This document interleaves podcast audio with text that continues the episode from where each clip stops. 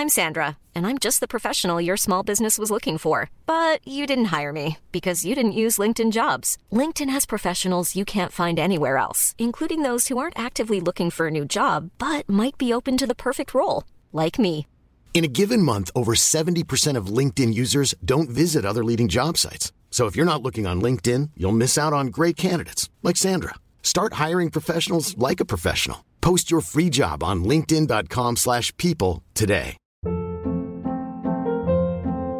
Hold up. What was that? Boring. No flavor. That was as bad as those leftovers you ate all week. Kiki Palmer here, and it's time to say hello to something fresh and guilt-free. Hello Fresh. Jazz up dinner with pecan-crusted chicken or garlic butter shrimp scampi. Now that's music to my mouth. Hello Fresh. Let's get this dinner party started. Discover all the delicious possibilities at hellofresh.com. Hey, it's Ryan Reynolds, and I'm here with Keith, co star of my upcoming film, If, only in theaters, May 17th. Do you want to tell people the big news? All right, I'll do it. Sign up now and you'll get unlimited for $15 a month in six months of Paramount Plus Essential Plan on us. Mintmobile.com slash switch. Upfront payment of $45 equivalent to $15 per month. Unlimited over 40 gigabytes per month. Face lower speeds. Videos at 480p. Active Mint customers by 531.24 get six months of Paramount Plus Essential Plan. Auto renews after six months. Offer ends May 31st, 2024. Separate Paramount Plus registration required. Terms and conditions apply if rated PG. Hey jij daar, ben je lief? Ga naar petjeaf.com slash 30 in een dozijn en support ons. Welkom bij 30 in een dozijn, waar ik, Peet, 31, in loondienst en verloofd, samen met Jorien, 38, freelancer en vrijgezel, een pad probeer te banen door het mijnenveld dat de 30er jaren heet. Elke aflevering tackelen we een dilemma met behulp van vrienden, experts en het internet.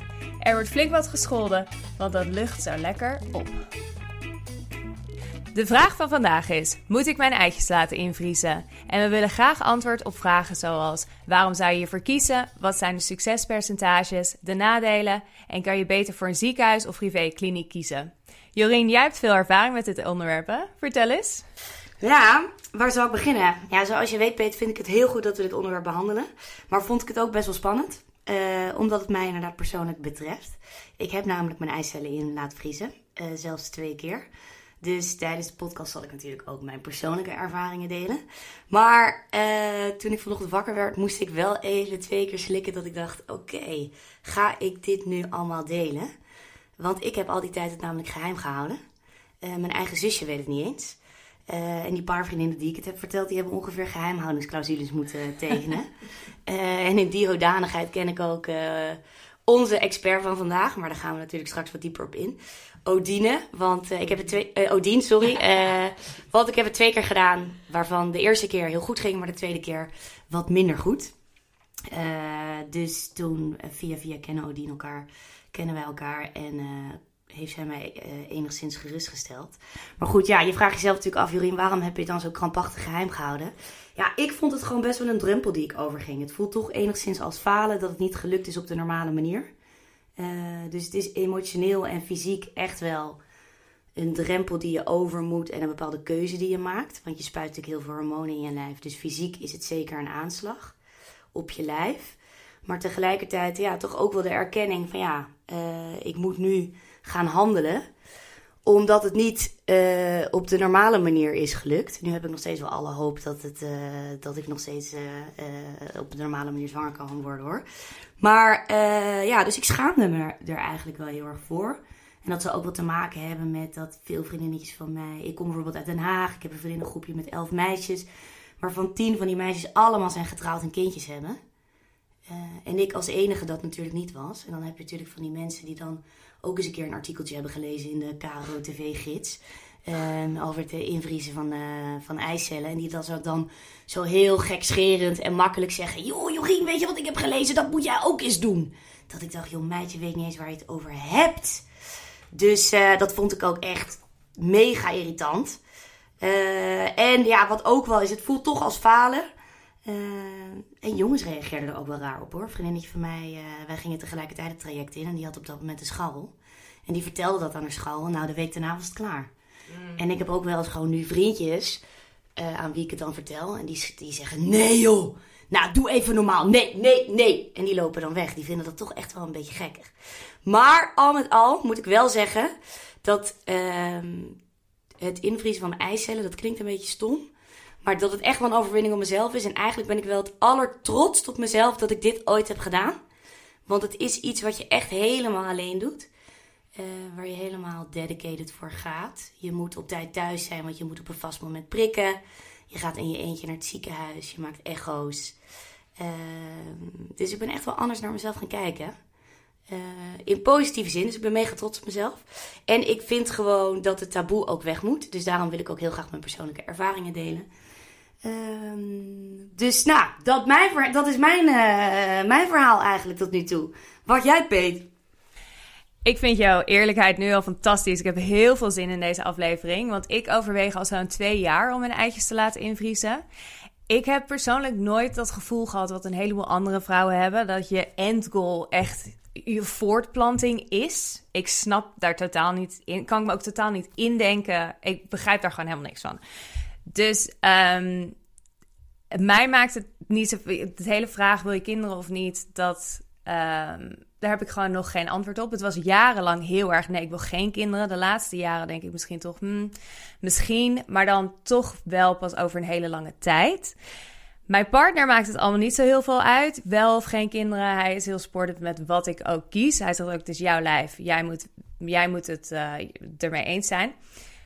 Maar het is dus wel een vrij hot topic in mijn hoofd. Wil ik wel of geen kinderen? Wil ik wel of niet eitjes invriezen? Het is dus het is gewoon een warboel. En ik hoop dat deze aflevering wat meer duidelijkheid schept... door een heleboel antwoorden te vinden. Dus ik heb hier heel veel zin in. Ja, nou ja, ik denk ook inderdaad dat de omgeving gewoon hierin een hele grote invloed heeft, hè? Nou ja, alright, let's get started. We hebben genoeg te bespreken. De facts en figures van vandaag, Peet. De facts en figures van vandaag. Sinds 2006 is het in Nederland mogelijk om je eicellen in te laten vriezen. In 2011 is het pas mogelijk geworden voor alle vrouwen. Voor die tijd kwamen alleen vrouwen in aanmerking die een medische reden hadden. Vrouwen die zonder medische reden hun eitjes laten invriezen worden social freezers genoemd. De officiële term voor het invriezen van eicellen voor later gebruik is vitrificatie. Bij Medisch Centrum Kinderwens is de gemiddelde leeftijd 36 eh, jaar en worden er gemiddeld 13 eitjes per vrouw geoogst door meerdere behandelingen. 13 eitjes geeft een kans van 60% op een zwangerschap. Het ideale aantal eicellen in te laten vriezen ligt tussen de 20 en 25. Hiervoor zijn meestal drie of vier behandelingen nodig. Na extractie worden eicellen ingevroren op een temperatuur van min 196 graden Celsius. Oké, nou vandaag hebben we zoals uh, elke aflevering weer een nieuwe expert erbij. En vandaag dus Odine. Odine van Haastert, 35 lentes jong. Wonend in een oude koeienstal in Amsterdam-Noord met haar man en vier kinderen. Want ze is recentelijk bevallen van een drieling. Wauw. Uh, Odine heeft geneeskunde gestudeerd aan de VU in Amsterdam. Haar eerste baan was in 2014 op de SOA Polykliniek bij de GGD. Yes, wat ik natuurlijk hilarisch vind. Daarnaast is Odine als fertiliteitsarts gaan werken in het Erasmus Medisch Centrum en het Amsterdam UMC locatie AMC. Op dit moment is ze werkzaam in het Sint-Antonius ziekenhuis in Leidse Rijn. En naast haar werk als fertiliteitsarts is ze ook nog eens werkzaam als stemactrice.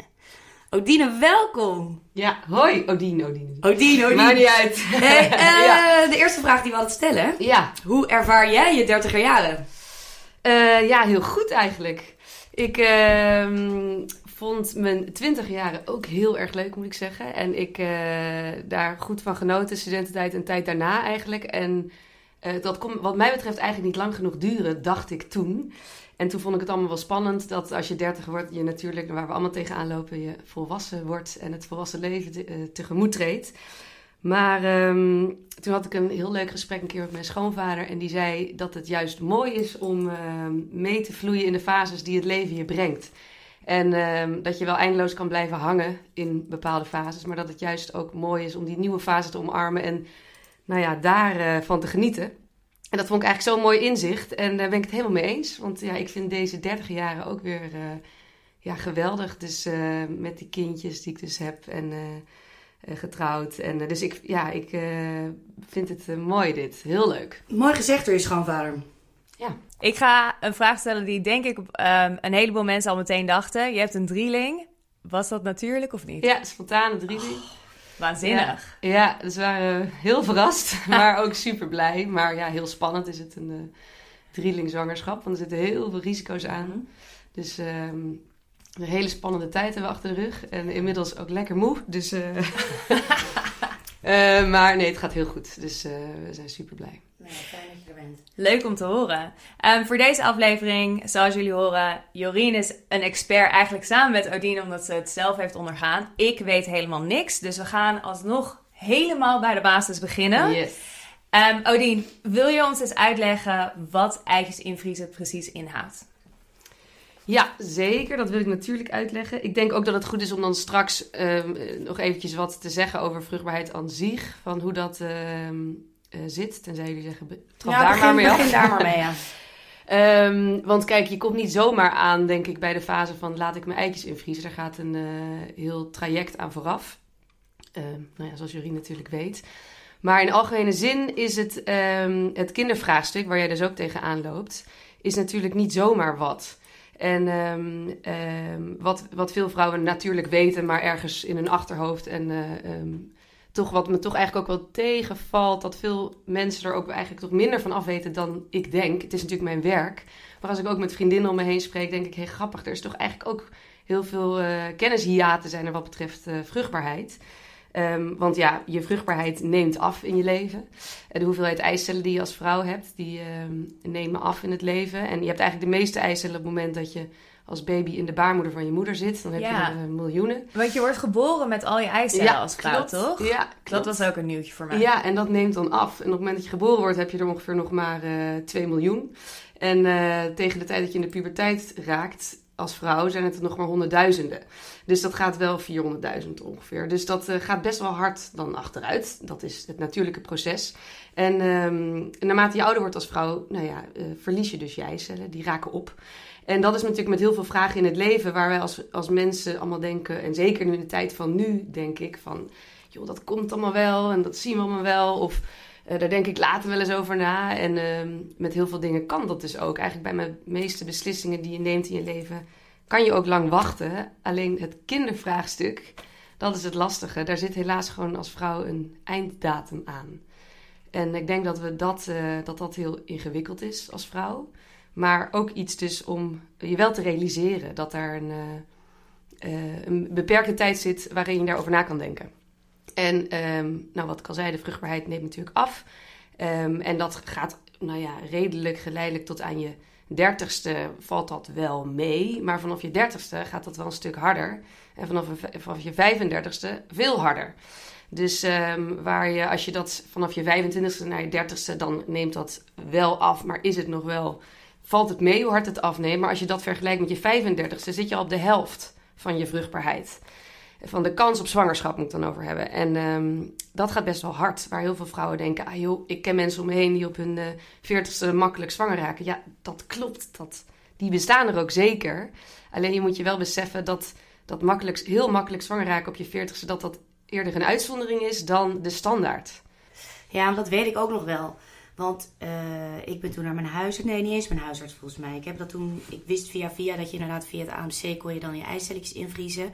Maar je kan niet zomaar een afspraak maken. Je moest dan inderdaad eerst een bijeenkomst bijwonen. Ja. Dus ik ging daar naartoe, totaal undercover. Nog net niet eh, met een pruik op, een snor opgeplakt en een, eh, en een bril. Ja. Zoals ik zei, ik vond het echt wel een stap. Ja. En toen kwam ik daar aan en dan zit je die bijeenkomst bij. Toevallig kwam ik daar een vriendinnetje tegen die daar ook in een lange regenjas met een pet en een pruik op stond. Eh, maar zij en ik liepen direct, liepen echt wel met eh, klotsende oksels, eh, totaal in de stress, liepen we die bijeenkomst uit. Want daar wordt wel even een heel realistisch beeld geschetst. Dat inderdaad na je dertigste gaat het gewoon echt heel snel. En na je 35ste nog sneller. Dus wat jij zegt, na je 35ste heb je nog maar 50% kans op inderdaad op zwangerschap. Of nog minder. Nou, in zo. verhouding met daarvoor, zo moet je Ja. eigenlijk zien. En wat, wat dan met name je ziet dat het gewoon wat langer kan duren voordat je zwanger raakt. Ehm, dus, het, eh, dus je kansen nemen af, maar dat zie je vaak in dat je dus meer kansen nodig hebt om zwanger te raken. Waar je dus als je toen je 20 was, je vaak sneller zwanger raakte dan wanneer je eh 35 bent.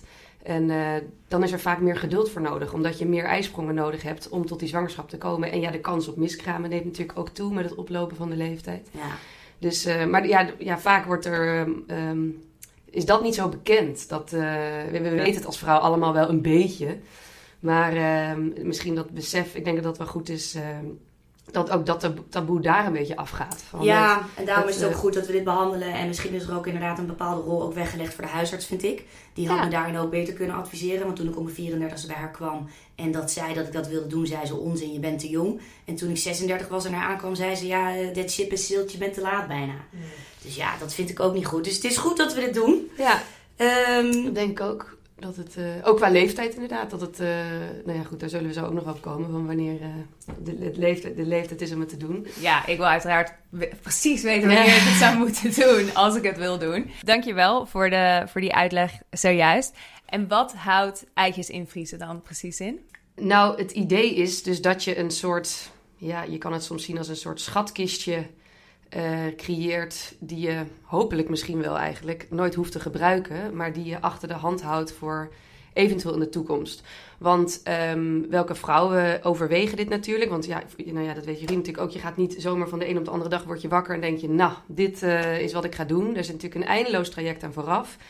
Uh, en um, er zijn natuurlijk vrouwen die twijfelen over de kinderwens. De vrouwen die uh, een relatie hebben, maar uh, twijfelen over wil ik nu kinderen. En dus inderdaad uh, daarom het invriezen overwegen.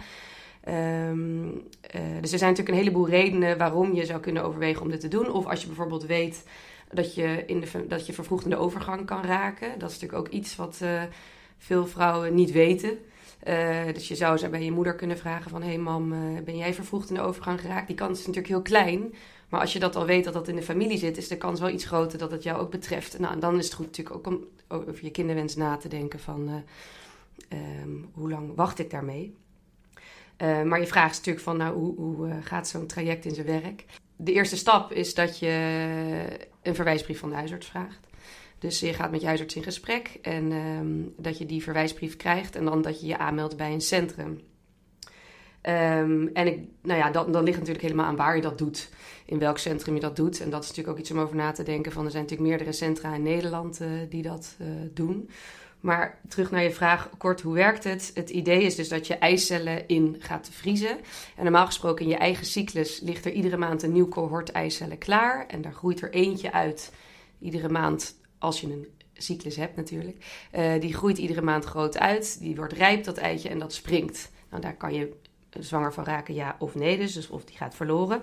Nou, wat doe je met het eicellen invriezen? Dan probeer je dat cohort wat daar iedere maand klaar ligt, waarvan er dus eentje groot wordt en de rest in regressie gaat.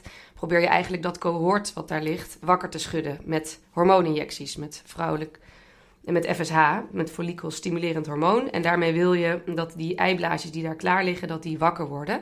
Dus dat er meerdere eitjes rijp worden, want je kan alleen rijpe eicellen invriezen. Um, nou, en daar gaan we natuurlijk zo over hebben. Van hoe kom je er dan achter dat ze rijp zijn? Nou, en uiteindelijk wil je die eitjes dan uit het lijf halen. Uh, en die vries je in. Dus het is niet zomaar zo zoals met mannen dat je naar het ziekenhuis gaat en je zaad inlevert. Dus je kan niet als vrouw zomaar, nou uh, leg mijn eicel in de vriezer. Nee, daar heb je echt een heel traject is daarvoor nodig. Met hormooninjecties en uiteindelijk uh, met een punctie om die eicellen dus uit het lichaam te halen. En die vries je dan dus in. Dus het is echt niet zomaar iets waarvan je even naar de dokter loopt en zegt: hé, hey, hier mijn eicellen. Nee, dat is echt een heel traject waar je doorheen gaat. Met ook risico's en nadelen. Nou, wat je al zei, die hormooninjecties zijn ook niet niks. En um, op die manier wil je dan dus rijpe eicellen, probeer je dan in de vriezer te krijgen. En die kan je dan dus inderdaad middels vitrificatie kan je die opslaan voor eventueel later gebruik. En hoe lang um, duurt zo'n proces ongeveer? Dat kan uh, ja, een aantal weken kan dat duren, van twee tot vijf weken ongeveer. Ligt een beetje aan wat voor een uh, medicatieschema je gebruikt. En dat wisselt dan weer per centrum. Um, maar in principe ben je een week of twee, uh, misschien iets langer, drie in je hormooninjecties aan het spuiten. Ja, ik vond het eigenlijk best meevallen. Eigenlijk. Het ja, gaat... dat wisselt per vrouw, denk ik. De een uh, uh, ligt ook aan welke mindset je erin bent gegaan. Dus voor de een valt inderdaad mee en de ander zal zeggen, nou het viel mij vies tegen. Dus daar hoor je wel echt veel wisselende verhalen over. oh ja? qua hoe dat ervaren wordt. Ja, die hormooninjecties, maar ook de punctie en überhaupt het hele emotionele onderdeel van het traject. Dat is natuurlijk ook voor iedereen heel anders. Ja, ik heb het toen toch wel een beetje als stopsport aangepakt. Ik moest ook stoppen met roken, dat was ook wel een goede stop achter de deur. Ja. Maar dat vond ik heel lastig, want ik had ook twintig jaar natuurlijk gerookt. Maar toen inderdaad twee maanden van tevoren gestopt met roken.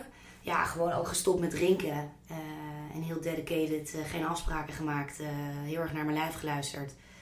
fit gebleven, gesport. Maar ja, 2,5 week, drie weken ben je ermee bezig. Dus het viel, het viel mij mee inderdaad. Ja, dus dat met het, met het feitelijke ermee bezig Ja. zijn. Maar emotioneel is het natuurlijk een traject dat veel langer gaande is. Ja. En dat zou je zelf ook weten. Natuurlijk van, ja, dat is iets eh, waar we het net over hadden. Eh, dit besluit je niet van de een op de andere dag. Hier eh, denk je eindeloos over na. En dat is ook vond ik wel mooi wat je net zei. In die end doe je het alleen. En je kan het natuurlijk wel veel met mensen over hebben. En ik denk ook dat dat belangrijk is om met, eh, misschien met mensen die je in je omgeving kent die het gedaan hebben. Om eens te vragen van, hé, hey, hoe vond jij het? Ehm, of met de huisarts of eh, ehm, eh, nou, met andere bekenden om gewoon eens even te sparren van, hé, hey, wat... Ja, deze vraag zit in mijn hoofd en wat, eh, wat moet ik ermee? Maar je ook goed te laten informeren na het vooraf van waar begin ik aan? Want eh, ja, emotioneel is ook niet niks om het te doen. Nee, precies. En inderdaad, ik bedoel, de volgende vraag die stelde jij net al. Weet je, wie, wie, wie doet het en vanaf welke leeftijd? Ja. En ik weet nog wel dat ik bij die bijeenkomst kwam. Eh, en dan zie je inderdaad eh, heel veel superleuke, knappe, gezellige, vrijgezelle vrouwen van 30 plus daar zitten. Dat je denkt, hoe kunnen deze vrouwen allemaal vrijgezel zijn? Maar inderdaad ook lesbische stellen. Die natuurlijk heel graag eitjes willen instellen. Maar die doen het dus toch samen. Dat is toch anders. En inderdaad ook wel... eh, eh, je zag ook, vond ik ook wel heel mooi, vaders die meegingen met hun dochters. Vond ik ook echt prachtig. Maar ook wel stelletjes hoor, die daar zitten. Waar, Ja. Die dus niet goed... eh, ja, die dus ook waarschijnlijk hormoonopwekkende middelen nodig hebben... om inderdaad eicellen te rooien. En dat waarschijnlijk kunstmatig te bevruchten om terug te plaatsen in de buik. Maar wat jij zei, kijk, weet je, als je zo'n traject in je eentje ingaat... Ja. Je zit elke avond gewoon in je eentje te spuiten. Daar zit gewoon wel een verschil in. Absoluut, ja, Ja. Dat, is, eh, dat is zeker zo. Dus dat is ook die emotionele kant die erbij komt kijken. Van in die end doe je het alleen dus Ja. dan. Eh, en ben jij degene die eh, de beslissing neemt om het wel of niet te doen. En om ook een hormooninjectie te zetten. En die de punctie ondergaat. En, eh, dus, dus dat is eh, niet niks. En daarom vind ik het ook eh, onwijs dapper en goed van je dat je nu bespreekt. Maar ehm, het is wel denk ik goed voordat je aan dat traject begint. Ook wel dingen te overwegen. In de zin van je kan natuurlijk je eicellen invriezen. Maar wat echt goed is om je te beseffen dat het geen garantie op een kindje is. En ehm, dus er zijn ook veel stellen, eh, of veel stellen, maar er zijn natuurlijk ook mensen die in een relatie zitten die op dit moment dus twijfelen van wil ik nu kinderen ja of nee in deze relatie of überhaupt. En dan eh eicellen invriezen als dus achter de hand. En eh, dat kan natuurlijk ook. En, ehm, eh, maar ik denk wel, veel van die vrouwen wordt ook een gesprek bij een counselor vaak aangeboden. Om dan ook wel het gesprek aan te gaan om je te realiseren van wat betekent het dat ik dit nu ga doen. Ehm, en dat is natuurlijk het vraagstuk van het uitstellen van de kinderwens.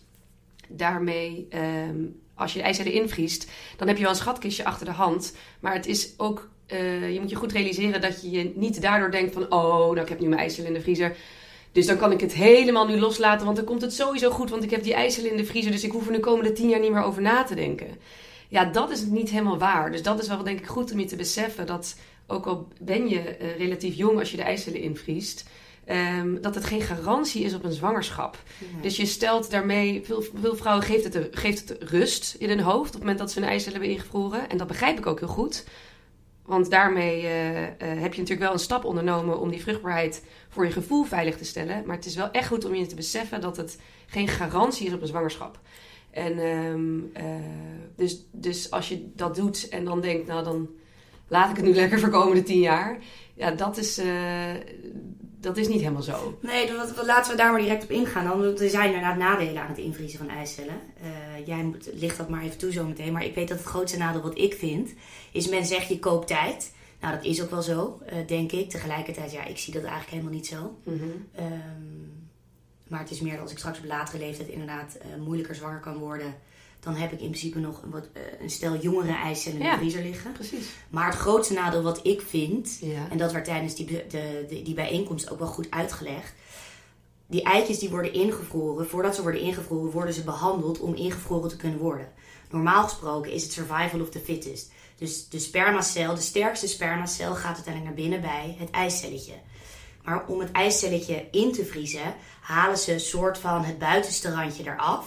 Wat eigenlijk normaal gesproken een signaal geeft aan de spermacel. Joehoe, soort van lampje, hier moet je naartoe. En dan krijg je dus al die spermacellen, wat je in al die films altijd ziet.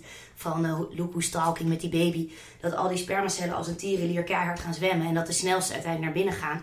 Maar doordat het buitenste randje wordt weggehaald, gaat ook dat signaal weg. Dus als je nu die eicel en de spermacel in een petrischaaltje legt, die spermacel die zwemt dan gewoon om die eicel heen. Die weet helemaal niet welke kant hij op moet. Dus die spermacel moet uiteindelijk nu naar binnen worden gebracht bij die eicel. Maar dat kan dus van het potje sperma de allerlangzaamste zijn. Dus dat is natuurlijk een nadeel. Dus je hebt niet meer de sterkste spermacel. Je hebt niet meer survival of the fittest. Dus dat vond ik eigenlijk het grootste nadeel. Leg ik het goed uit? Ja, goed Nou, Uh, ja, je moet inderdaad een ICSI-behandeling uiteindelijk doen met die eicellen. Dus het is inderdaad niet zo dat je die eicellen daarna weer terug in de buik plaatst. En dat je op die manier natuurlijk zwanger kan worden thuis op een natuurlijke manier middels uh, seksueel contact of middels een inseminatie. Dat klopt. Dus de bevruchting vindt daarna plaats in het laboratorium. Dus um, dat is ook een, een ja, een, een, minder, wat minder romantische manier van bevruchten. Maar dat is inderdaad hoe het gaat. De eicel wordt kaal gemaakt en uh, door middel van ICSI. Dus dan wordt er echt een zaadcelletje in de eicel geïnjecteerd. Zal dan bevruchting optreden. Um, en ze zullen niet de allerlangzaamst zwemmende zaadcel kiezen. Want de laborant uh, ziet dan op het oog van... nou, dat is een mooie zwemmende zaadcel, die kiezen we. Uh, dus ze zullen ook voor een um, op hun oog snelziende zaadcel gaan. Maar uh, het klopt, het is niet de, de, geen natuurlijke selectie vindt. Mijn kaak ligt op de tafel ondertussen. Ik wist hier helemaal niks van. Um, ik weet wel dat, er, dat je een hogere kans hebt als je een eitje meteen bevrucht. Voordat je het invriest, toch? Want dat zou iets zijn dat ik zou overwegen, want ik heb al jarenlang een vaste partner. Dan heb je het over embryo's invriezen. Ja. Ja, dus je hebt eicellen invriezen en als je eicellen bevrucht vooraf, of bevrucht, dan worden het embryo's en die kan je inderdaad ook invriezen. Dat bestaat ook. Nou, en um, het was inderdaad zo voorheen eigenlijk dat embryo's een wat betere overlevingskans hadden in dat vriesproces dan eicellen. Uh, maar tegenwoordig uh, is dat vriesproces zoveel verbeterd dat eicellen het eigenlijk ook hartstikke goed doen tegenwoordig.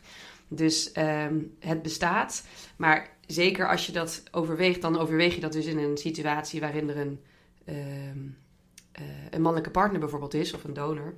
Dan zal zeker je het gesprek, denk ik, worden aangeboden van uh, denk daar wel goed over na. Over het, het, het, uh, het feit dat je dus inderdaad overweegt om dat in te vriezen. En wat houdt je tegen om op dit moment voor de kinderwens te gaan? Nou, dat zijn natuurlijk dan wel vragen waar ze met je over in gesprek zullen gaan. Van, nou, ja, wat zijn je overwegingen? Um, wat is een reden om het nu niet te doen, om het uit te stellen? Nou, dat zijn denk ik dingen die allemaal goed zijn om je vooraf te realiseren. Ook omdat natuurlijk dus risico's zitten aan dat traject en het niet niks is. Van waarom zou je de kinderwens uitstellen als je al weet dus dat dit de partner bijvoorbeeld is waarmee je het zou willen doen?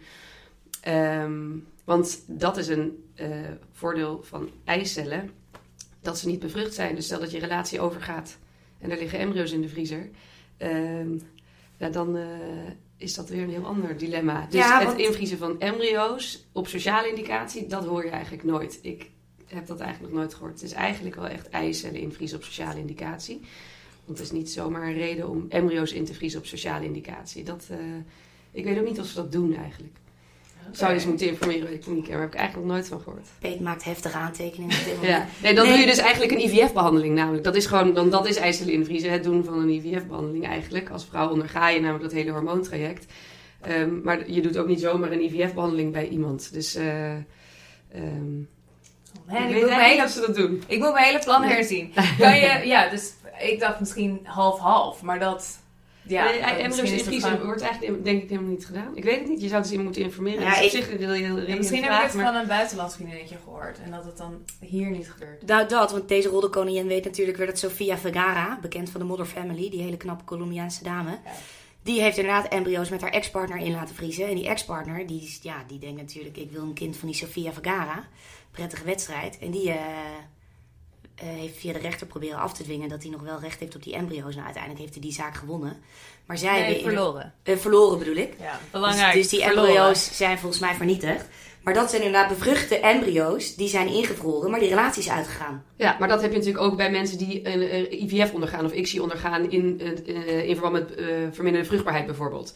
Um, dus dat heb je natuurlijk sowieso, dat, dat doen we in het kader van IVF, ICSI, doen we dat, wordt dat sowieso natuurlijk heel veel gedaan. En daar moet je altijd contracten voor ondertekenen van wat wil je dat er gebeurt als dit gebeurt. Wat wil, maar ook in het geval van overlijden bijvoorbeeld, van wat wil je dan... Uh, dat als de een of de ander overlijdt, wat ermee gebeurt. Dat zijn dingen die je allemaal vooraf natuurlijk heel goed vast moet leggen. Nou ja, en ook wel goed om te zeggen, want dat werd mij ook gevraagd. Uh, toen bij het invriezen van mijn eicellen moest ik ook een contract ondertekenen. Ja. Wat nou inderdaad, uh, als je overlijdt en ja. die eicellen liggen nog in de vriezer. Wat dan? Wat wil je daarmee doen? Nou, dan heb je verschillende opties. Ik heb, ze toen, ik heb toen wel aangegeven dat ze naar de wetenschap mogen. Ik heb gezegd dat het niet voor andere vrouwen gebruikt mag worden, behalve voor mijn zusje. Mm. Want ik vond het dan toch een gek idee dat andere vrouwen eventueel mijn embryo's of mijn eh, eicellen konden gebruiken. Ja, donatie. Ja. Dus dat Ja, of je kan ze laten vernietigen. Ja, Ja, dus dat zijn inderdaad dingen die je vooraf eh, dan, waar je inderdaad goed over na moet denken en eh, vast moet leggen. Klopt. Ja. maar even terug, want we hadden het over de nadelen. Eh, dus inderdaad, dat sterkste zaad, maar er zijn meer nadelen, waaronder bijvoorbeeld overstimulatie. Bij- Ja, ja, het is. nou, als je precies in het, het kader van het, de hormooninjectie spuiten. je zet natuurlijk dat follikelstimulerend hormoon, waardoor de blaasjes zullen gaan groeien in je lichaam. Nou, dat monitor je door middel van het maken van vaginale echo's.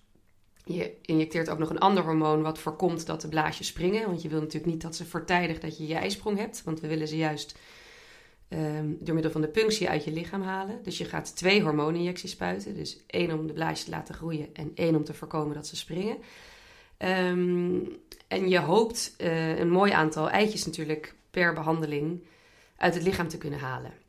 Maar soms is het zo dat een vrouw nou ja, zodanig reageert op die hormooninjecties dat er heel veel eiblaasjes wakker worden. Nou, en dan heb je inderdaad kans op die overstimulatie, ovarieel hyperstimullatiesyndroom, OHSS wordt dat wel genoemd. En daar kan je als vrouw last van hebben. Ehm, dat kan je ook al bij de echo's zien. Dan zie je dus dat in de eierstokken, nou ja, eh, als er een blaasje of eh, acht of tien of twaalf wakker worden, is dat een super mooie score. Ehm, of zes, of weet je, dat is al eh, dat is een beetje gemiddeld. Maar als je richting eh, verder in de 20, 25, eh, soms wel eens 30, eh, of soms nog wel meer, dan heb je, ga je richting risico voor dat uh, ovarieel hyperstimullatiesyndroom. Nou, daar kan je als vrouw last van hebben.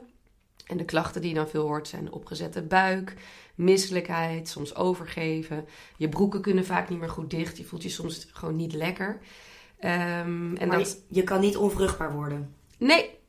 Nee, nee, dat is, eh, dat, nee, dat zeker niet. Want hoe, hoe, eh, hoezo had je dat overwogen? Had je dat in gedachten? Nee, nee, ja, ik weet gewoon dat in Nederland enigszins behouden eh, met hormonen wordt omgegaan. In vergelijking Ja. bijvoorbeeld met België. Ja, met als, als argument ja. voor overstimulatie.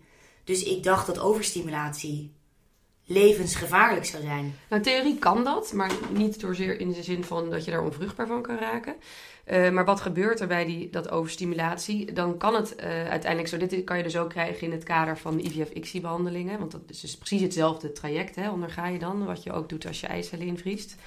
Ehm, wat uiteindelijk kan gebeuren is dat, ehm, dat als je de punctie dan dus eh, gedaan hebt en de eicellen daar hopelijk hebt uitgehaald, eh, vaak zie je dan dat daarna eh, die klachten soms nog wat erger kunnen worden.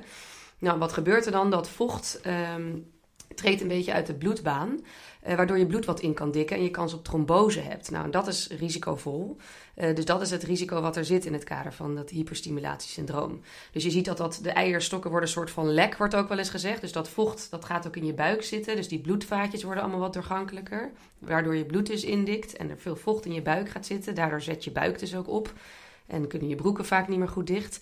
Uh, maar het risico zit hem inderdaad in uh, de vorming van trombose, van uh, bloedstolseltjes. Ja. Dus een enkele keer is het nodig dat vrouwen die daar last van hebben... Um, sowieso is het als je dat soort klachten hebt altijd goed om dat meteen te bespreken... in het centrum waar je onder behandeling bent. Nou, dan zal je langs moeten komen, dan word je beoordeeld. Wordt er een echo gemaakt, wordt er vaak bloed, bloed geprikt... En dan kan je in het uh, bloed zien van hoe dik is het bloed. En een enkele keer is het dan nodig om mensen op te nemen in het ziekenhuis. Um, omdat het heel belangrijk is dat de vochthuishouding dan op peil blijft. Dus dan krijg je een infuus, maar ook anti-stollingsprikjes.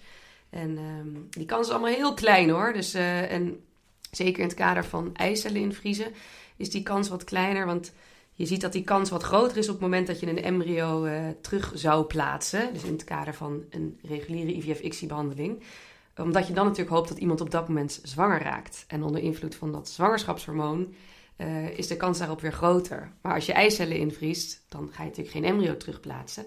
Nee. Dus vaak zie je dan, als die klachten ontstaan, dat ze langzaamaan ook uh, weer af zullen nemen. Dat kan wel dagen tot uh, twee weken duren. Um, dus vervelend is dat zeker. En er zit ook een klein risico in. Maar de kans is wel heel klein dat dat gebeurt. Maar het is wel goed om inderdaad dat te realiseren. En dat wordt vooraf ook besproken. Hey, it's Danny Pellegrino from Everything Iconic. Ready to upgrade your style game without blowing your budget? Check out Quince. They've got all the good stuff shirts and polos, activewear, and fine leather goods, all at 50 to 80% less than other high end brands. And the best part? They're all about safe, ethical, and responsible manufacturing. Get that luxury vibe without the luxury price tag.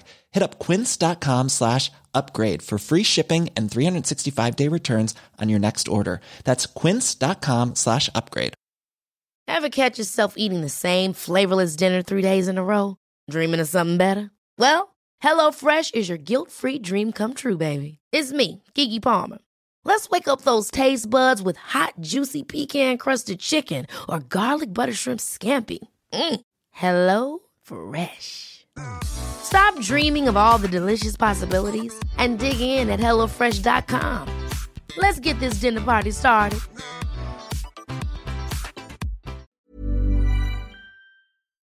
Wat is de gemiddelde score van oogsten met eh, eitjes en wat is het ideale aantal? Ja, dat is moeilijk te zeggen. Er is niet echt één ideaal antwoord, want er, er is geen eh, eh, perfecte stimulatie eigenlijk. Om, je, weet als li- eigenlijk ook nooit van tevoren wat je lichaam gaat doen. Maar je bent natuurlijk ehm, heel blij als je, nou wat ik net zei, ongeveer een eitje of zes tot, eh, nou ja, wat eh, 15 eruit zou halen. Zou dat super fijn zijn. Dat is al hartstikke mooi. Maar, en dat zei die inderdaad ook in de intro met die facts van hoeveel eicellen heb je nou nodig? Ehm, en er wordt inderdaad vaak gecounseld van, nou ja, rond de 20 eicellen in de vriezer is heel fijn om een reële kans te maken op één kindje. En dan denk je, jezus, 20, hoezo zoveel? Eén eicel zou toch genoeg zijn? Nou, dat is helaas niet het geval. Want als je eicellen invriest, niet alle eicellen ontdooien goed. Dus daar, het is een soort afvalrace. Dus daar zal je enkele eicellen al verliezen. Ja, en ook als je ze oogst, overleven ze niet allemaal, toch? Niet elke die Ja. oogst gaat naar de vriezer. Klopt, omdat je alleen dus rijpe eicellen in kan vriezen. Dus het kan inderdaad ook zijn dat ehm, als je de punctie doet en je hebt vooraf bijvoorbeeld 10 eiblaasjes gezien, dan hoop je er 10 eitjes uit te kunnen halen. Maar soms vind je er dan maar 8. Ja, wat was dat dan? Dan kan het zijn dat het lege blaasjes waren, dus blaasjes waar geen eitje in zaten. Ofwel een blaasje waar wel een eitje in zat, maar die is er helaas niet uitgekomen. Nou, daar kom je nooit achter. Maar dat klopt. Dus daar kan je inderdaad ook al wat eh, verliezen. Het kan soms ook andersom hoor. Dat je tien blaasjes ziet en er zijn ineens elf eitjes. Dat kan natuurlijk ook. Ehm, dat het meevalt. Maar ehm, je verliest in het traject dus vaak... ehm, eh, is het een soort afvalrace wat ik zei. Dus als je ontdooit, ontdooit vaak niet alles. En dan ga je natuurlijk uiteindelijk op het moment dat de kinderwens actief is... of als je althans de eicellen zou willen gebruiken... dan ga je ze op een gegeven moment bevruchten. Nou, niet alle eicellen bevruchten. Dus daar verlies je weer een heel deel. Nou, en dan uiteindelijk is er hopelijk een mooi embryo wat je terugplaatst. En dan de overige die er zijn, die ga je weer opnieuw invriezen. Voor eventueel later gebruik. Maar ook daarvan vriest weer niet alles goed in. Dus het is ehm, eh, vandaar dat je veel eicellen relatief nodig hebt om tot één zwangerschap te komen. En dan zeggen ze vaak inderdaad rond de 20 eicellen heb je nodig. Nou hangt het eigenlijk ehm, eh, met name af, want daar komen ze een beetje op terug, dat het met name van de leeftijd van de vrouw afhangt. Dus hoe jonger je als vrouw bent op het moment van het invriezen van je eicellen, hoe, met relatief minder eicellen zal je tot een zwangerschap kunnen komen dan wanneer je als vrouw ouder bent. Dan heb je relatief meer eicellen nodig om tot een zwangerschap te komen. Ik merkte aan mijn vriendinnetjes, want best wel veel vriendinnetjes van mij hebben het gedaan. Nou, zeker tijdens corona heb ik gehoord dat het inderdaad bij het AMC heel erg druk werd. Omdat iedereen natuurlijk dacht, ja jeetje mina man, we zitten een paar jaar binnen, we weten niet voor hoe lang. Ja, volgens mij is overal nu minimaal zes maanden eh, wachttijd. Ja, dus die telefoon niet stond... overal, gelukkig. Oh, niet bij jou. nee, nee, nee, nee, nee, niet overal. Ehm, dat klopt dat er veel wachttijden zijn Ja. hoor. Want er, het neemt, heeft best een vlucht genomen hoor, dat invriezen. Ja, terecht. Maar veel vriendinnen van mij hebben het gedaan of zijn er nog mee bezig. En wat je dus wel merkt, eh, je gaat toch vergelijken. En, Oh ja? en dat Ja. is natuurlijk toch shit, want het is, ieder lichaam is anders. Ja. En het zegt helemaal niks eigenlijk over de vruchtbaarheid van de vrouw. Maar ja, dan heb jij heel hard gewerkt voor inderdaad, eh, laten we zeggen, zes of acht gezonde eicelletjes. Wat een prachtige score is. Had ik ook een vriendinnetje. Ja, dan zit je zo toch wel een zak en as. Die had er maar twee. Ja. En een ander vriendinnetje, die ramde er direct twintig uit de Ja. eerste keer. Precies, je ziet die variatie is best groot. Ja, en. Dat heeft dan, het is precies dezelfde leeftijd en iedereen heeft hetzelfde traject afgeleverd bij dezelfde arts. Maar je ziet dan toch verschil, dus dat was wel een mindfuck. Maar ik dacht, laten we even teruggaan naar het begin. eh, hoe het nou precies inderdaad in zijn werk gaat. Dus wat ik zei, wat jij al zei, je krijgt een verwij- verwijzing van een huisarts. Je gaat naar zo'n bijeenkomst waar je dus wordt voorgelicht. Want ze willen echt wel, dat vind ik wel goed in Nederland, dat ze weten waar je Ja. aan begint. zoals ik zei, ik liep echt met klotsende oksels uh, die bijeenkomst uit. Heb toen direct aan de balie een afspraak gemaakt. Volgens mij heb ik die eerste afspraak in mijn eentje gedaan. Gezegd, ik ga dit doen. Toen dan bieden ze inderdaad aan of je met een psycholoog wil praten. Toen zei ik, nee, dat hoeft niet. Uh, let's go. En toen, mijn ouders die werken allebei in het ziekenhuis. Dus die toen ingelicht. Uh, ja, die moesten ook even schakelen. Weet je, dat is toch ook een andere generatie. En die allebei mee, ja, wat ik zei, allebei werken in het ziekenhuis. Die dachten ook een beetje, nou ja, ja, moet dit nou? En uh, wat zijn nou de onderzoeken en wat zijn nou de resultaten? En het is natuurlijk inderdaad nog, wat je zegt, pas in 2006 wordt het in Nederland gedaan.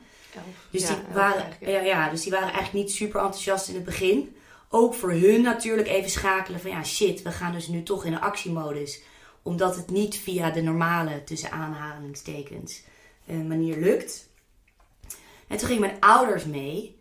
En die stelden gelukkig best wel wat goede vragen tijdens zo'n eerste gesprek met die arts. Want inderdaad, bijvoorbeeld, mijn moeder vroeg uh, bij het ontdooien van die eicellen: hoeveel van die eicellen overleven het niet? Ik keek mijn moeder aan en ik denk: dat is inderdaad een goede vraag. Ja, Want dat weet ik helemaal niet. Dat is inderdaad, uh, de, ja, het is een soort van afvalrace. Um, dus dat was wel fijn dat mijn moeder daar toen bij was. En dan wordt inderdaad uitgelegd bij zo'n eerste keer hoe het spuiten gaat. Je krijgt dan een echo om te kijken of, het, of, ja, of je überhaupt eierstokken hebt. Of er überhaupt sprake is van eicelletjes. Je moet dan een keertje komen rond je ijsprong. Vervolgens moet je aan de pil. Want dan kunnen ze het goed reguleren. Ja, en dan krijg je inderdaad twee soorten hormonen mee naar huis. En dan moet je, begin je met spuiten. Terwijl je nog aan de pil zit. Uh, en dan moet je volgens mij na zeven dagen stop je met de pil. Nadat je al zeven dagen aan het spuiten bent. En dan begin je met, de tweede, uh, met, met de tweede spuit. Dus dan ga je twee keer spuiten op een dag. En die tweede spuit moet je zelf mengen.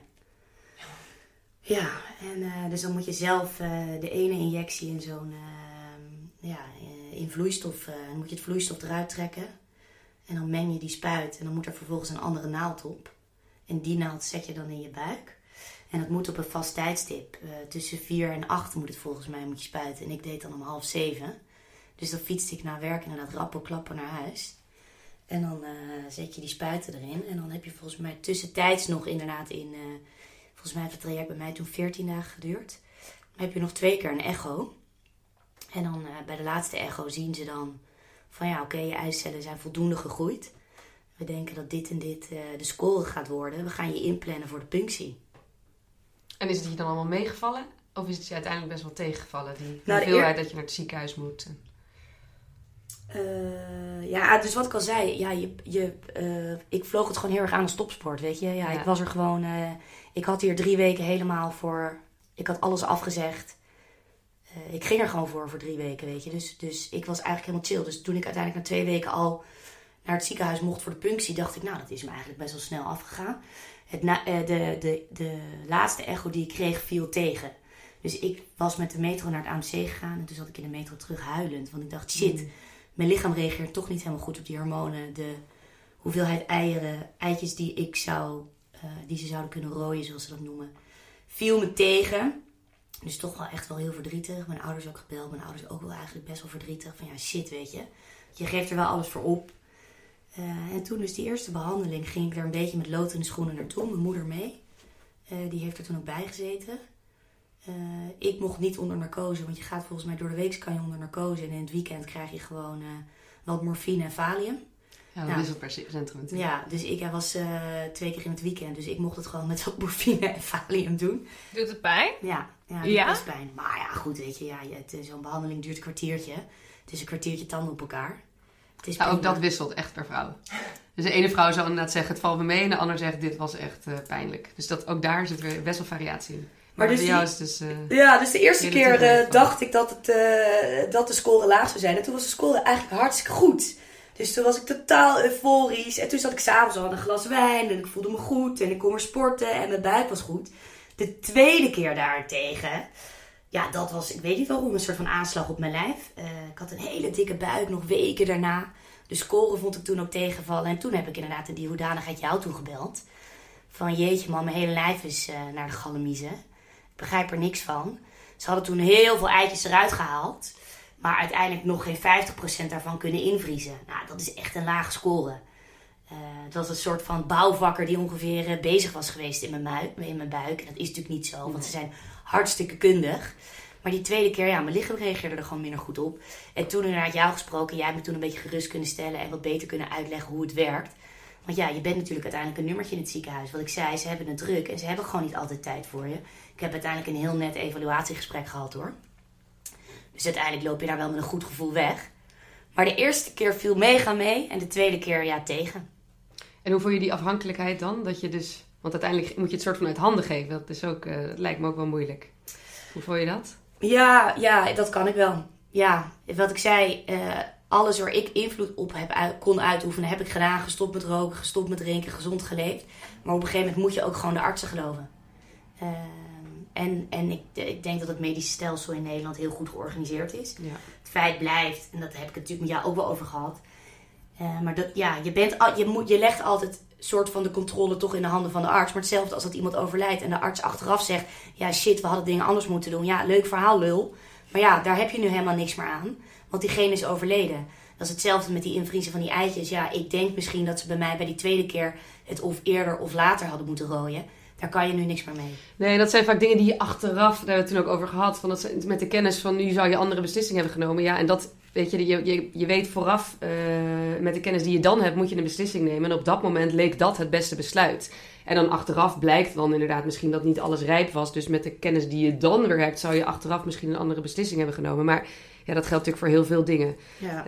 Um, dus en dat, dat, maakt het moeilijke aan dat traject natuurlijk. Ja, dus mijn advies zou zijn: uh, alle, alle uh, factoren waar jij invloed op kan uitoefenen, doe dat. Weet je, leef gezond, stop met roken, kap met drinken. Ja. Geloof de arts, maar stel wel kritische vragen. Altijd. Zit er wel gewoon bovenop.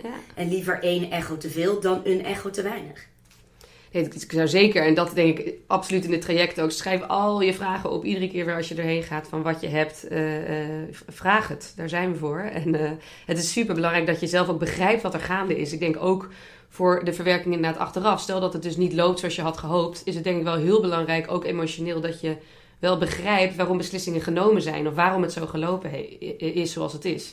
Dus uh, ik denk dat het heel goed is altijd om maar gewoon op tafel te leggen waar je tegenaan loopt of waarvan je twijfelt of denkt van is dit wel goed?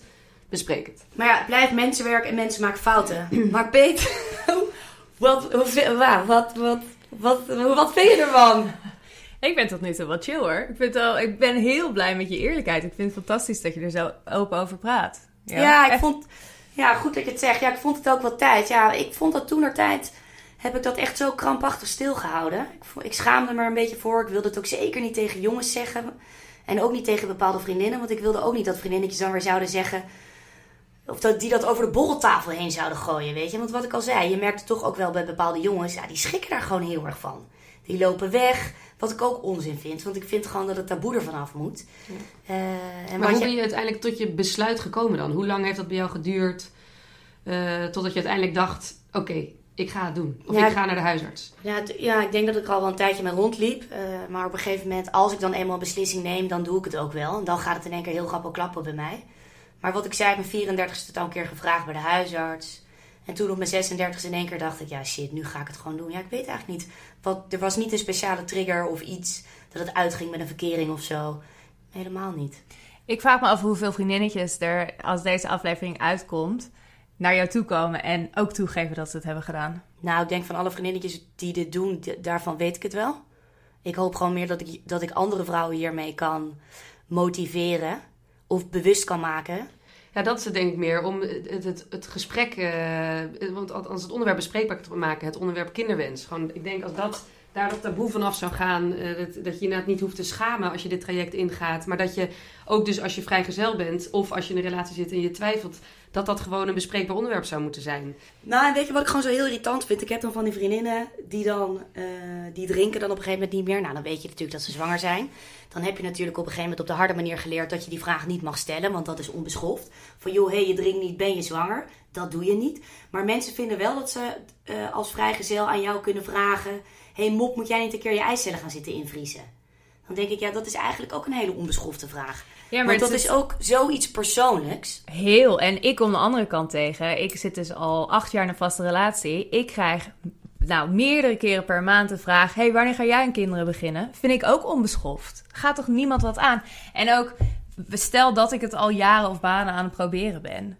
En, maar het lukt niet. Het gaat toch gewoon niemand iets aan. Het is toch iets heel persoonlijks? Ja. Vind je dat mensen zich daar gewoon niet in, mee moeten bemoeien? Nee, dat is natuurlijk, ja, inderdaad. Ja, nee, maar dat, dat is een beetje het dubbele natuurlijk. Dat ben ik helemaal met je eens. Dat het is iets van jullie of van jou of van eh, iemand zelf of niet. Maar aan de andere kant is het ook weer goed als we het soort van het onderwerp wat makkelijker bespreekbaar juist zouden kunnen Ja, maken. dat ben ik Het is wel op een andere eens. manier, hè? Ja, Daar ben ik je- helemaal- dan vlieg je zo'n gesprek heel heel anders, anders aan. aan. Maar het is aan zich denk ik goed als Ja. we wat meer, eh, als er wat op een relaxtere manier over gepraat zou kunnen worden, gewoon in algemene zin van en ook ja, gewoon wat betreft de kennis van hey, hoe zit het nou eigenlijk? eh, eh, wat betreft de vruchtbaarheid, ja, het neemt af. En hoe snel dan, weet je wel? En mensen denken altijd aan dat ene verhaal. En die ene die nog op zijn veertigste, weet je Ja, ze bestaan ook, zeker, tuurlijk, weet je wel. En je kan ook op je veertigste zwanger raken. Maar ja, de kansen zijn wel eh, veel lager dan wanneer je dertig was. En ehm, dat is gewoon denk ik goed om je te realiseren dat het niet iets is wat, nou ja, die maakbaarheid, weet je. Het is niet zo van, oh, ik ga naar het ziekenhuis en dan lukt het sowieso. Nee, dat is helaas niet zo. Ja, was het maar zo, maar dat, dat is het niet. Het is toch echt een stukje natuur. En dat op een gegeven moment, ja, dan, dan is het te laat. We gaan een beetje van de hak op de tak in de- deze vragen, maar dat komt gewoon omdat mijn hoofd vol zit met allerlei vragen. Ehm, wat zijn de kansen van terugplaatsing op een succesvolle zwangerschap?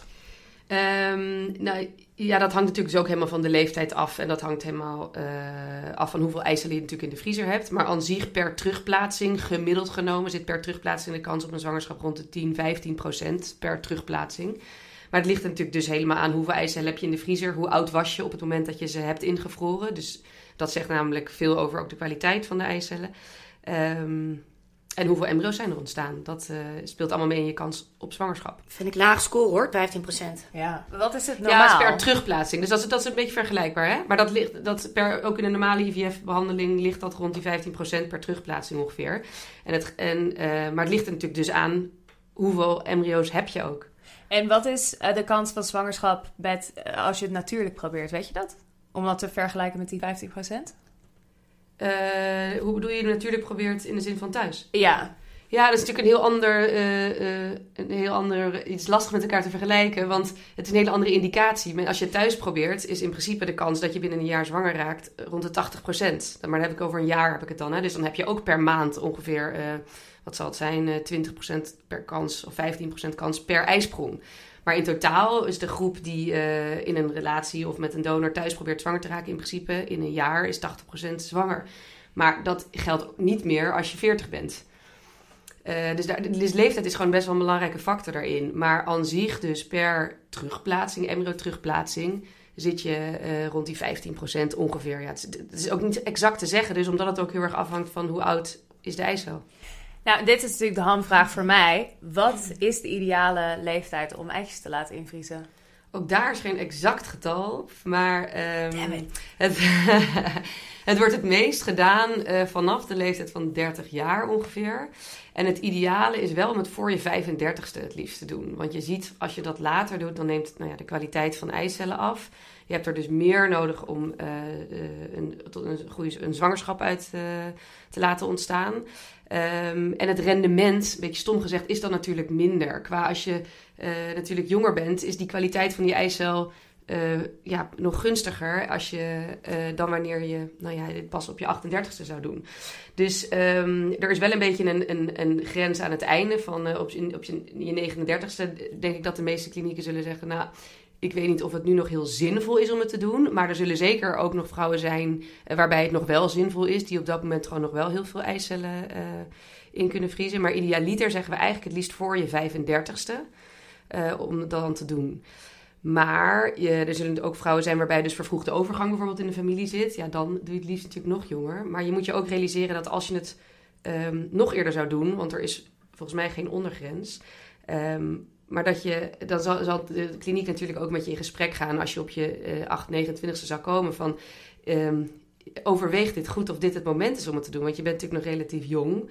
De kans dat er dus eh, nog een, eh, een relatie in je leven komt, eh, is natuurlijk groot. en dan onderga je nu wel een best wel heftige behandeling met risico's van dien. Waarin de kans dat je ze komt gebruiken, de eicellen, natuurlijk veel kleiner is dan wanneer je dat op je 34ste bijvoorbeeld doet. Dus dat is wel een, een afweging die je moet maken. Nou ja, niemand heeft een glazen bol. Dus je weet natuurlijk niet op je 28, 29 hoe je leven loopt. En dan komen we natuurlijk ook op een belangrijk onderwerp uit. Hoeveel kost het? Want er zit natuurlijk kosten want het is niet aan iedereen besteed. Want je moet het maar kunnen betalen. Absoluut. Ja. wat mij bijstaat is dat het per behandeling tussen de 2.500 en de 3.500 ligt. Ja, en je dus vaak meerdere moet ondergaan. Ja, dus ja, drie behandelingen zeggen ze dat je eigenlijk officieel moet ondergaan. Ja, vaak wordt wel echt geëvalueerd na de eerste keer. Ja. Uh, om eens te kijken van hoe is het gegaan? Hoeveel eicellen hebben we nu in de vriezer? Uh, hoe heb je het ervaren? En dan uh, neem je met elkaar het besluit van gaan we dit nog een keer doen, ja of nee? En inderdaad, het is financieel het is hartstikke duur. Want het is niet verzekerd. Het is nee. absoluut particulier. En wat ook wel goed is om even te vermelden, is de leeftijd tot wanneer de eicelletjes worden teruggeplaatst, mm. is 49. Klopt. ja, dat is ook wel goed om te weten. Niet dat je denkt dat je. Want Janet Jackson was. 53 of ja. zo, toch? Ja. Nee, en ook daar zit op een gegeven moment een, een, van als je het na je 43 doet, ook dan betaal je dat, moet je dat deel van dat traject ook weer zelf betalen. Dus uh, er zitten ook nog kosten dan inderdaad in de fase van we gaan ze gebruiken, de eicellen. Maar wat ook nog wel goed is om te vermelden, dat het gros van de mensen die de eicellen invriest, maar je zei het al net, we doen het niet zo eindeloos lang nog. Het is pas uh, elf jaar eigenlijk dat het op sociale indicatie gedaan wordt het gros uiteindelijk komt de eicellen niet ophalen om ze te gebruiken. Op dit moment nog. Um, dus er zijn heel veel vrouwen die ze hebben ingevroren, die uiteindelijk spontaan zwanger raken. Want dat is natuurlijk, ja, als dat lukt, als je dus uiteindelijk een uh, relatie zou vinden, is dat natuurlijk idealiter de eerste stap weer om het thuis te proberen. En dat je die eicellen helemaal niet nodig hebt. Of mensen uiteindelijk uh, hebben geen kinderwens, of nou ja, er zijn andere situaties. Maar het gros van de mensen op dit moment haalt ze eicellen eigenlijk nog niet op. Wat een andere goede vraag is, waar we net ook al kort even naar refereerden. Het verschil inderdaad tussen een behandeling in het ziekenhuis en een privékliniek. Privékliniek is over het algemeen duurder. Nu weet ik dat een vriendinnetje van mij is naar een privékliniek geweest in België. Is vervolgens ingevlogen in Spanje, in Valencia, om daar uiteindelijk de eitjes te laten rooien. Nou, die had echt een monsterscore. Uh, maar daar wordt ook inderdaad wel veel meer hormonen gespoten. Uh, kun jij daar iets kort over vertellen? Het verschil tussen het, een regulier ziekenhuis en een privékliniek? Um, ja, want je hebt natuurlijk niet eindeloos veel centra in Nederland ook die het doen. Dus je hebt de, de academische ziekenhuizen die het doen. En je hebt natuurlijk inderdaad een aantal medisch centrum kinderwens, bijvoorbeeld eentje. Um, overal is er niet heel veel verschil. Qua kosten zou het ook niet uh, eigenlijk verschil moeten maken. Maar met wachttijden, daar zit met name veel verschil in. Je ziet toch wel dat in de academische centra de wachttijden veel langer zijn. Waar ik het net ook over had. Van soms tot een jaar wachttijd of 9 tot 12 maanden. Uh, waarbij dat in de kleinere klinieken uh, minder het geval is. Dus daar kan je vaak veel sneller terecht. Maar het ligt ook helemaal aan waar in Nederland. Dus je ziet inderdaad in Amsterdam dat de wachttijden lang zijn. Maar in het oosten van het land veel minder. Er zijn vaak, of vaak weinig wachttijden of geen. Door corona is overal nu wat betreft alle behandelingen wel iets aan wachttijd ontstaan. Maar uh, dat is wel heel anders als je bijvoorbeeld in het oosten een behandeling zou doen of in het noorden... dan wanneer je dat in het westen in Amsterdam zou doen. Dus um, dat zou je ook nog in theorie kunnen overwegen als je denkt van joh, ja, dat jaar wachten, dat is mij veel te lang. Ik uh, wijk uit naar uh, een centrum elders in Nederland waar je waarschijnlijk veel eerder aan de beurt bent. Moet je je wel realiseren dat die eicellen dan dus daar in dat lab liggen. Dus als je ze ooit wil gebruiken, dat je dan dus ook daar naartoe terug moet um, om ze te gebruiken, de eicellen. Want je kan ze niet zomaar even ophalen ja, en, je krijgt, mee naar huis nemen. En je krijgt gewoon elk jaar even een rekening hoor. Voor de huur van je ijscellen die liggen ingevroren. Het is niet veel, maar weet wel. Ja, weet wel. Je ook voor Opstalkosten, zoiets ja. Dat is rond 130 euro per jaar. Ja, klopt. Ja, dus... Um, uh, en je, ja, in het buitenland, ik zie niet zo heel veel meerwaarde van om naar het buitenland te gaan. Omdat we het in Nederland dus ook doen. En er dus genoeg centra zijn waar de wachttijden dus helemaal niet zo lang zijn. En als je naar het buitenland gaat, dan liggen dus je eicellen ook in het buitenland. En dan moet je ze daar uiteindelijk dus ooit uh, dan gaan gebruiken. Ja, je kan ze transporteren, maar daar zitten ook allemaal weer risico's aan. En dat is allemaal echt niet zo makkelijk. Dus dat heeft zeker niet de voorkeur. Um, maar het klopt dat in het buitenland vaak hogere doseringen van dat FSH worden gebruikt dan in Nederland. Ja, dus in Nederland uh, hebben we eigenlijk een maximum van vaak 225 eenheden. Um, dat klopt. Ja, dus, uh... En hoe staat Nederland um, op het wereldton wereldtoneel bekend wat betreft deze behandelingen? Dus, hebben we een goed imago? Weet ik eigenlijk niet. Nee, ik heb, niet, uh, ik heb ook geen rondje gevraagd van hoe doen wij het. Ik weet, het is wel uh, bekend dat we in Nederland laat zijn met het krijgen van kinderen. Dat wel. Dus in verhouding met de rest van de wereld. Dat wij op een late leeftijd ja, kinderen krijgen. Inmiddels jaar. al 30 hoor. Ja. Zeker. Ja, het gaat richting 31 jaar. Dus dat is wel, dat is wel iets wat bekend is. Kijk, weet je wat een beetje het lullige is gewoon aan deze hele evolutie? Is we worden allemaal natuurlijk ouder. Dus vroeger stierven we op ons 30ste, 40ste. We kregen natuurlijk ook rond ons 20 kind, 20ste kinderen. Uh, en we kunnen nu natuurlijk, vorige aflevering hebben we het over botox en fillers gedaan. Weet je, we kunnen de boel allemaal een beetje strak trekken. Ja, uh, waardoor niet... we allemaal nog langer, ja. lang een beetje leuk mee kunnen doen. Uh, we nemen lekker de tijd ervoor om te studeren. we willen als vrouwen ook allemaal meedoen wat betreft de maatschappelijke carrière. Ja. Behalve het krijgen van kinderen. daar, zit gewoon, daar zit gewoon een biologische klok aan. En dat is het verneukte eraan. Ja, we kunnen ons heel erg vasthouden aan de 30 is de nieuwe 40. Behalve hier. Ja. Ja, 40 is het nieuwe 30. En wat jij zei... Sorry, zei ik 40? Ja. 40 is het nieuwe 30. Maar en wat jij zei, kijk, zo'n Katja Schuurman die op haar 44ste nog een kindje krijgt. Ja, eerlijk is eerlijk. Dat geeft de burger wel gewoon moed. Mij ook. Maar het is wel goed om inderdaad toch te benoemen. Dat het uitzonderingsgevallen zijn, ja. Dat het eerder uitzondering dan de regel is. Ja. Uh, hoewel ik natuurlijk het wel vanuit het positieve wil blijven benaderen. Tuurlijk, absoluut. Uh, en alle vertrouwen erin heb dat ik en mijn vriendinnen misschien nog allemaal via de natuurlijke manier zwanger worden. Ja.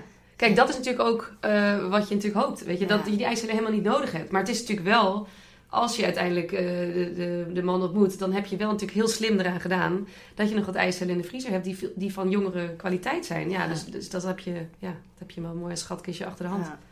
Peet, heb jij, uh, als je het hele verhaal zo hoort, heb jij eigenlijk vragen? Is het voor jou duidelijk? Zou je het gaan doen? Um, ik denk dat ik door dit verhaal het, het nog steeds heel erg overweeg. Maar um, dat jij zegt van ik zou het voor mijn 35ste doen, betekent dat ik nog tijd heb. Over een paar weken word ik 32. En dat ik het dus misschien nog heel eventjes op de plank laat liggen voor een jaar of twee jaar. Um, en als ik er dan nog steeds zo over nadenk, dan betekent het tegen die tijd dat ik er al bijna vier jaar over denk. Als ik het dan nog steeds heb, dan denk ik: oké, dan, dan ga ik ervoor. Maar door dit gesprek denk ik wel, ik heb nog wat tijd. Stel, uh, ik wil over twee jaar wel kinderen, dan heb ik ook nog alle kans als ik het natuurlijk probeer. Ja, dat is altijd heel moeilijk, want daar kan ik niet ja op zeggen. Nee, dat, dat kan voor zo. niemand niet. En uh, dat is natuurlijk heel erg wat we willen. Uh, van, en tegenwoordig is dat ook helemaal een hype van meet mijn vruchtbaarheid en uh, oh, dan weet ik hoe ik ervoor sta.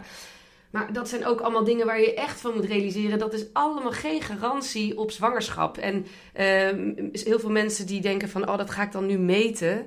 In hoeverre je dat al kan meten. Hè? Want er is ook geen helder ja of nee op. Van, je kan sowieso zwanger raken, ja of nee. Dat antwoord is er gewoon echt niet. Dat zijn vaak commerciële dingen die je dat wel voorschotelen, maar dat is niet zo. En dan denken mensen vaak, oh, maar dan stel ik het nog uit, want dan ga ik nog een jaar reizen en dan ga ik nog een huis kopen en verbouwen en dan ga ik nog dit en dit en dat.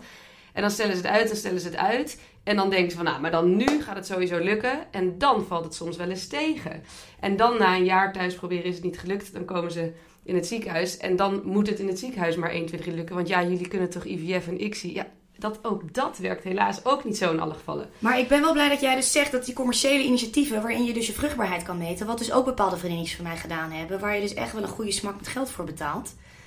Uh, dat dat dus helemaal geen garantie is. Niks is een garantie. Niemand kan je garanderen dat het sowieso lukt om zwanger te raken. Het geeft een indicatie van hoe je er op dit moment voor staat. Het geeft enigszins een idee van inderdaad hoe is het op dit moment met je vruchtbaarheid. Maar het is absoluut geen garantie voor dan lukt het sowieso om zwanger te raken. Of stel dan je kinderwens nog maar eens even drie jaar uit of vijf jaar uit.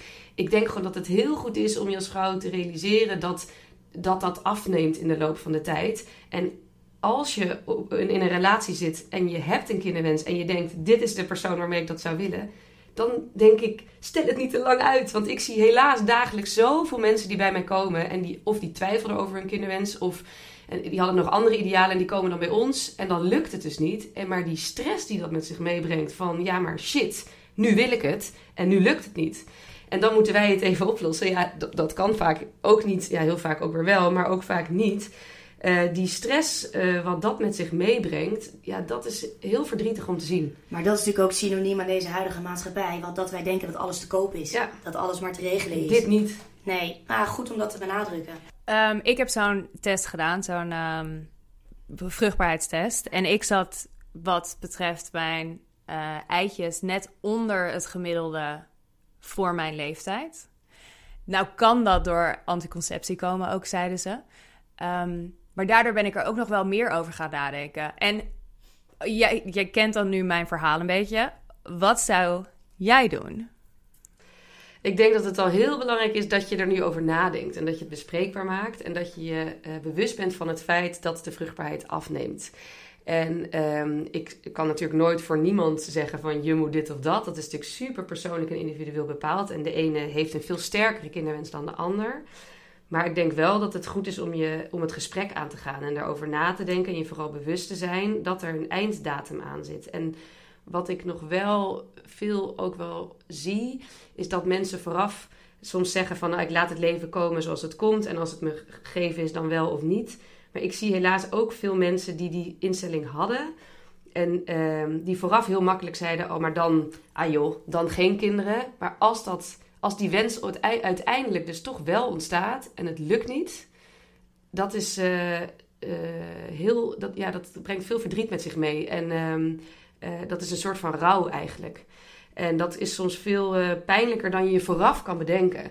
En daarom vind ik dit onderwerp ook zo goed om bespreekbaar te maken. Dat je dus, dat je dus hiermee bezig kan zijn. Ook op het moment dat je dus niet de relatie hebt die je wenst, maar wel de kinderwens hebt. Maar wat je dus merkt, want die vraag heb ik aan jou gesteld. En jij stelt me nu ook indirect. Je wil natuurlijk een soort van bevestigend uh, ja. antwoord. Ja. Wanneer, hoe, ja, ja, of nee. Wil je te horen. Maar goed, zo werkt het dus niet. Nee, en ik wil nee. een vriendinnetje van mij, precies mijn leeftijd. Ja. Die is uh, vorig jaar begonnen met het invriezen van haar ijscelletjes. En daar hebben ze gewoon na twee weken gezegd: Sorry, de hormonen slaan niet bij je aan.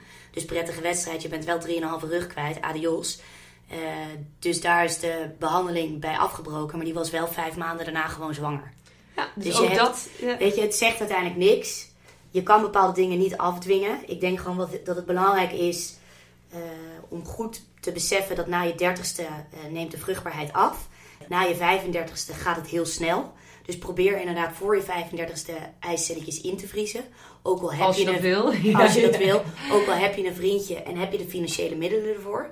Nou ja, of als je een relatie dus hebt, ga dan het gesprek aan. Van, want dat wordt ook vaak gedaan. Als je, je meldt bij een centrum en je hebt een relatie en je komt om ijscellen in te vriezen. Dan wordt wel vaak gezegd, praat ook echt even met de counselor. Want waarom zou je als je een relatie hebt op dit moment dan niet kiezen om actief de kinderwens na te streven bijvoorbeeld?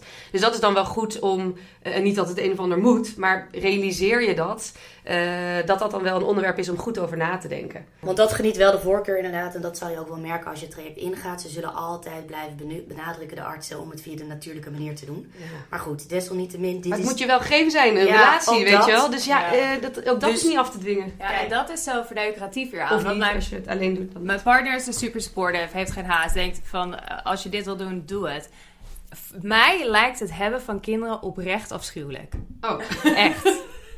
Dat lijkt me echt helemaal niet leuk. Maar, maar dat gaat ook dan antwoord zijn op je vraag? Ja, maar ik merk dat mijn lijf zich wel wat meer aan het klaarmaken is voor kinderen. En vooral in mijn hoofd. Dat ik dan wel denk van ja, maar het is wel een logische volgende stap. En ik ben bijna 32. En weet je dat het zo gaat in mijn hoofd. Terwijl ik het idee dus hebben van kinderen, daar haal ik totaal geen plezier uit. Dus het is echt een mega mindfuck in mijn hoofd, elke ja. dag. Ja. Maar daar zou je toch ook wat dan mee kunnen doen? Dat je wat gesprekken aangaat met mensen die je daarbij zouden kunnen helpen. Van uh, welk, wat zou je willen? En daar hoef je natuurlijk vandaag of morgen geen antwoord op te hebben. Maar daarom vullen wij elkaar zo lekker aan, Peet. Weet je? ik bedoel, jij hebt in principe een vriend. Weet niet eens of je inderdaad een kinderwens hebt. Ik heb geen vriend. Ik heb altijd vanaf kleins af aan geroepen dat ik heel graag kinderen wil. Ik denk dat ik een hele leuke moeder zou zijn. Waarom ja, ik dat denk? Ik heb dat dus met tante. Ik ben een fantastische tante en dat vind ik een hele leuke rol. En daarbij moet het misschien voor mij ook wel blijven. Ja, maar ja, ja. Ik nou zeg goed. dit al heel lang ook. Eigenlijk, Jij zegt sinds klein, dat je klein bent dat je kinderen wil. Ik zeg dat ik geen kinderen wil. Ja, dus, dus het is maar net wat het leven je geeft. Ja. Maar goed, Ja. we, we moeten een beetje gaan afronden. Nog, Eh, veel dingen om, nog veel om over na te denken. ja. Maar wel een heleboel antwoorden gekregen. Ja, Dus, ehm Odien, als jij één takeaway zou willen meegeven, wat zou dat zijn? Ga het gesprek aan en denk erover na op tijd. Dus uh, maak het bespreekbaar. En dat is eigenlijk wat jullie nu doen. Dit onderwerp uh, bespreekbaar maken. Want ook door deze podcast zullen er toch weer heel veel vrouwen met elkaar of zelf hierover na gaan denken. En uh, daarom nogmaals echt ballen dat je het hier vertelt. Ehm, ja, ik denk dat dat bijdraagt aan de awareness van dat het kinderwensvraagstuk voor de vrouw eindig is, helaas. En, en wat dan ook het antwoord is, hè, of je wel of geen kinderen wenst, of dat je het wel of niet eicellen in zou willen vriezen, dat, dat, daar, daar gaat het niet om. Maar ik denk dat het belangrijk is dat als je een keuze maakt, dat het een bewuste keuze is. En dat je niet achteraf zegt, ja, de tijd is met me aan de haal gegaan, of ik wist het niet. Dat zou zo zonde zijn. Daarom denk ik, als je wat je ook beslist, laat het een bewuste keuze. Nou ja, ik denk, ik denk, ben ook heel blij dat we dit hebben gedaan. Uh, ik zit er nu ook een stuk relaxer bij dan aan het begin van het gesprek. Je bent echt een held dat je dit uh, zo open vertelde, joh. Ja, lief van jou. Ik, de, waarom ik heel graag hier een Bijbel dragen. Als ik nu ook maar één meisje uh, heb kunnen motiveren om zich hier wat meer in te kunnen verdiepen. Of over de streep heb kunnen trekken om dit toch te gaan doen. dan, dan zit mijn missie er al op. Ik denk wat belangrijk is inderdaad dat het taboe ervan afgaat. Dat er een vruchtbare omgeving wordt gecreëerd. Ook bij je vriendinnen dat ze geen gekke vragen aan je stellen, maar eens een keer rustig met je gaan zitten. Met hey, moeten we niet een keer naar de huisarts? Ik denk ook dat er inderdaad uh, een grotere rol is weggelegd voor de huisarts. Die ja, misschien op een gegeven moment zelf met jou het gesprek zou moeten aangaan. Financieel uh, zou, ja, ik weet niet of je dat aan bij de overheid kan neerleggen. Ik weet bijvoorbeeld, prachtig bedrijf, zo'n Spotify. Uh, die uh, betaalt dit voor alle vrouwen als je dit wil. Ja, heel veel van die uh, bedrijven. Uber, Netflix. Ja. Bij Netflix krijg je tien ruggen voor familieplanning. Ja. Mag ja. je besteden zoals je ja, zelf ja, daar zitten ook voor- en nadelen aan. Maar dat is ook Ja, een, ja. een ander verhaal. Ja, dat is een beetje een morele vraag dan weer. maar, eh, wat heeft uiteindelijk jou over de streep dan getrokken om nu toch te zeggen: ik, eh, ik ga het vertellen? Nou, omdat ik het eigenlijk belachelijk vind dat ik me hier verschaam. Weet je, ik ben wie ik ben. En wat ik al zei, eh, ik heb genoeg eh, successen zogenaamd bereikt in mijn leven. Met een studie of hockey of weet ik veel wat. Maar het feit dat ik dit heb gedaan, kan ik echt nog van vol schieten. Is mijn allergrootste overwinning op mezelf geweest. Ja. En daar ben ik het aller, aller trots op Ah, mezelf. dat ik gewoon op mijn fietsje lekker naar huis ging. En dat ik inderdaad die injecties erin stond te rammen. Want het was ook wel heel bijzonder om dit met mijn ouders te doen. Toch een totaal andere generatie. Weet je, mijn Ja. vadertje die in de auto zat te wachten. Mijn moeder die in een operatiekleding naast me stond. Mijn hand vast te houden. Ja, ik vind het gewoon wel heel cool dat ik die verantwoordelijkheid heb genomen. Eh, nog steeds in de hoop dat ik het niet hoef te gebruiken. Maar ik vind het belachelijk om mezelf hiervoor te schamen. Eh, ik, want ik sta, ik sta er vol voor. Ik hoop ook dat als vriendinnen dit horen, dat die denken: shit, ik had die vraag inderdaad niet op die grove manier aan Jorien mogen stellen. Dus ik leer daar mijn les uit en ik doe dat niet meer bij andere vriendinnen. Ehm, ja, dus dat eigenlijk. Dapper. Ja. Ja, nou, Ja, dankjewel. En wat nog een kleine korte toevoeging zou zijn, je hebt ook de site Freya met een F, F-R-E-Y-A. Dat is ook een site waar alles over vruchtbaarheidsvraagstukken staan, ehm, waar heel veel informatie op staat. Nou goed, daar eh, zou je natuurlijk nog het een en ander kunnen eh, opzoeken. Maar er staat dus ook dingen over eicellen invriezen, maar ook, eh, want dat is natuurlijk het alternat- een- alternatief met donorzaad zwanger worden als je alleenstaand of lesbisch zou zijn. Maar er staat allerlei dat soort dingen staan er allemaal op, maar ook over de reguliere dingen van vruchtbaarheid. nou ja, wie weet heb je er wat aan. Volgens mij hebben we de meeste vragen beantwoord. Ja. zo niet, eh, dan kan je het een en ander teruglezen op de site. Eh, Odine, hartelijk dank voor je aanwezigheid. eh, voor alle informatie en het beantwoorden van onze vragen. Graag gedaan.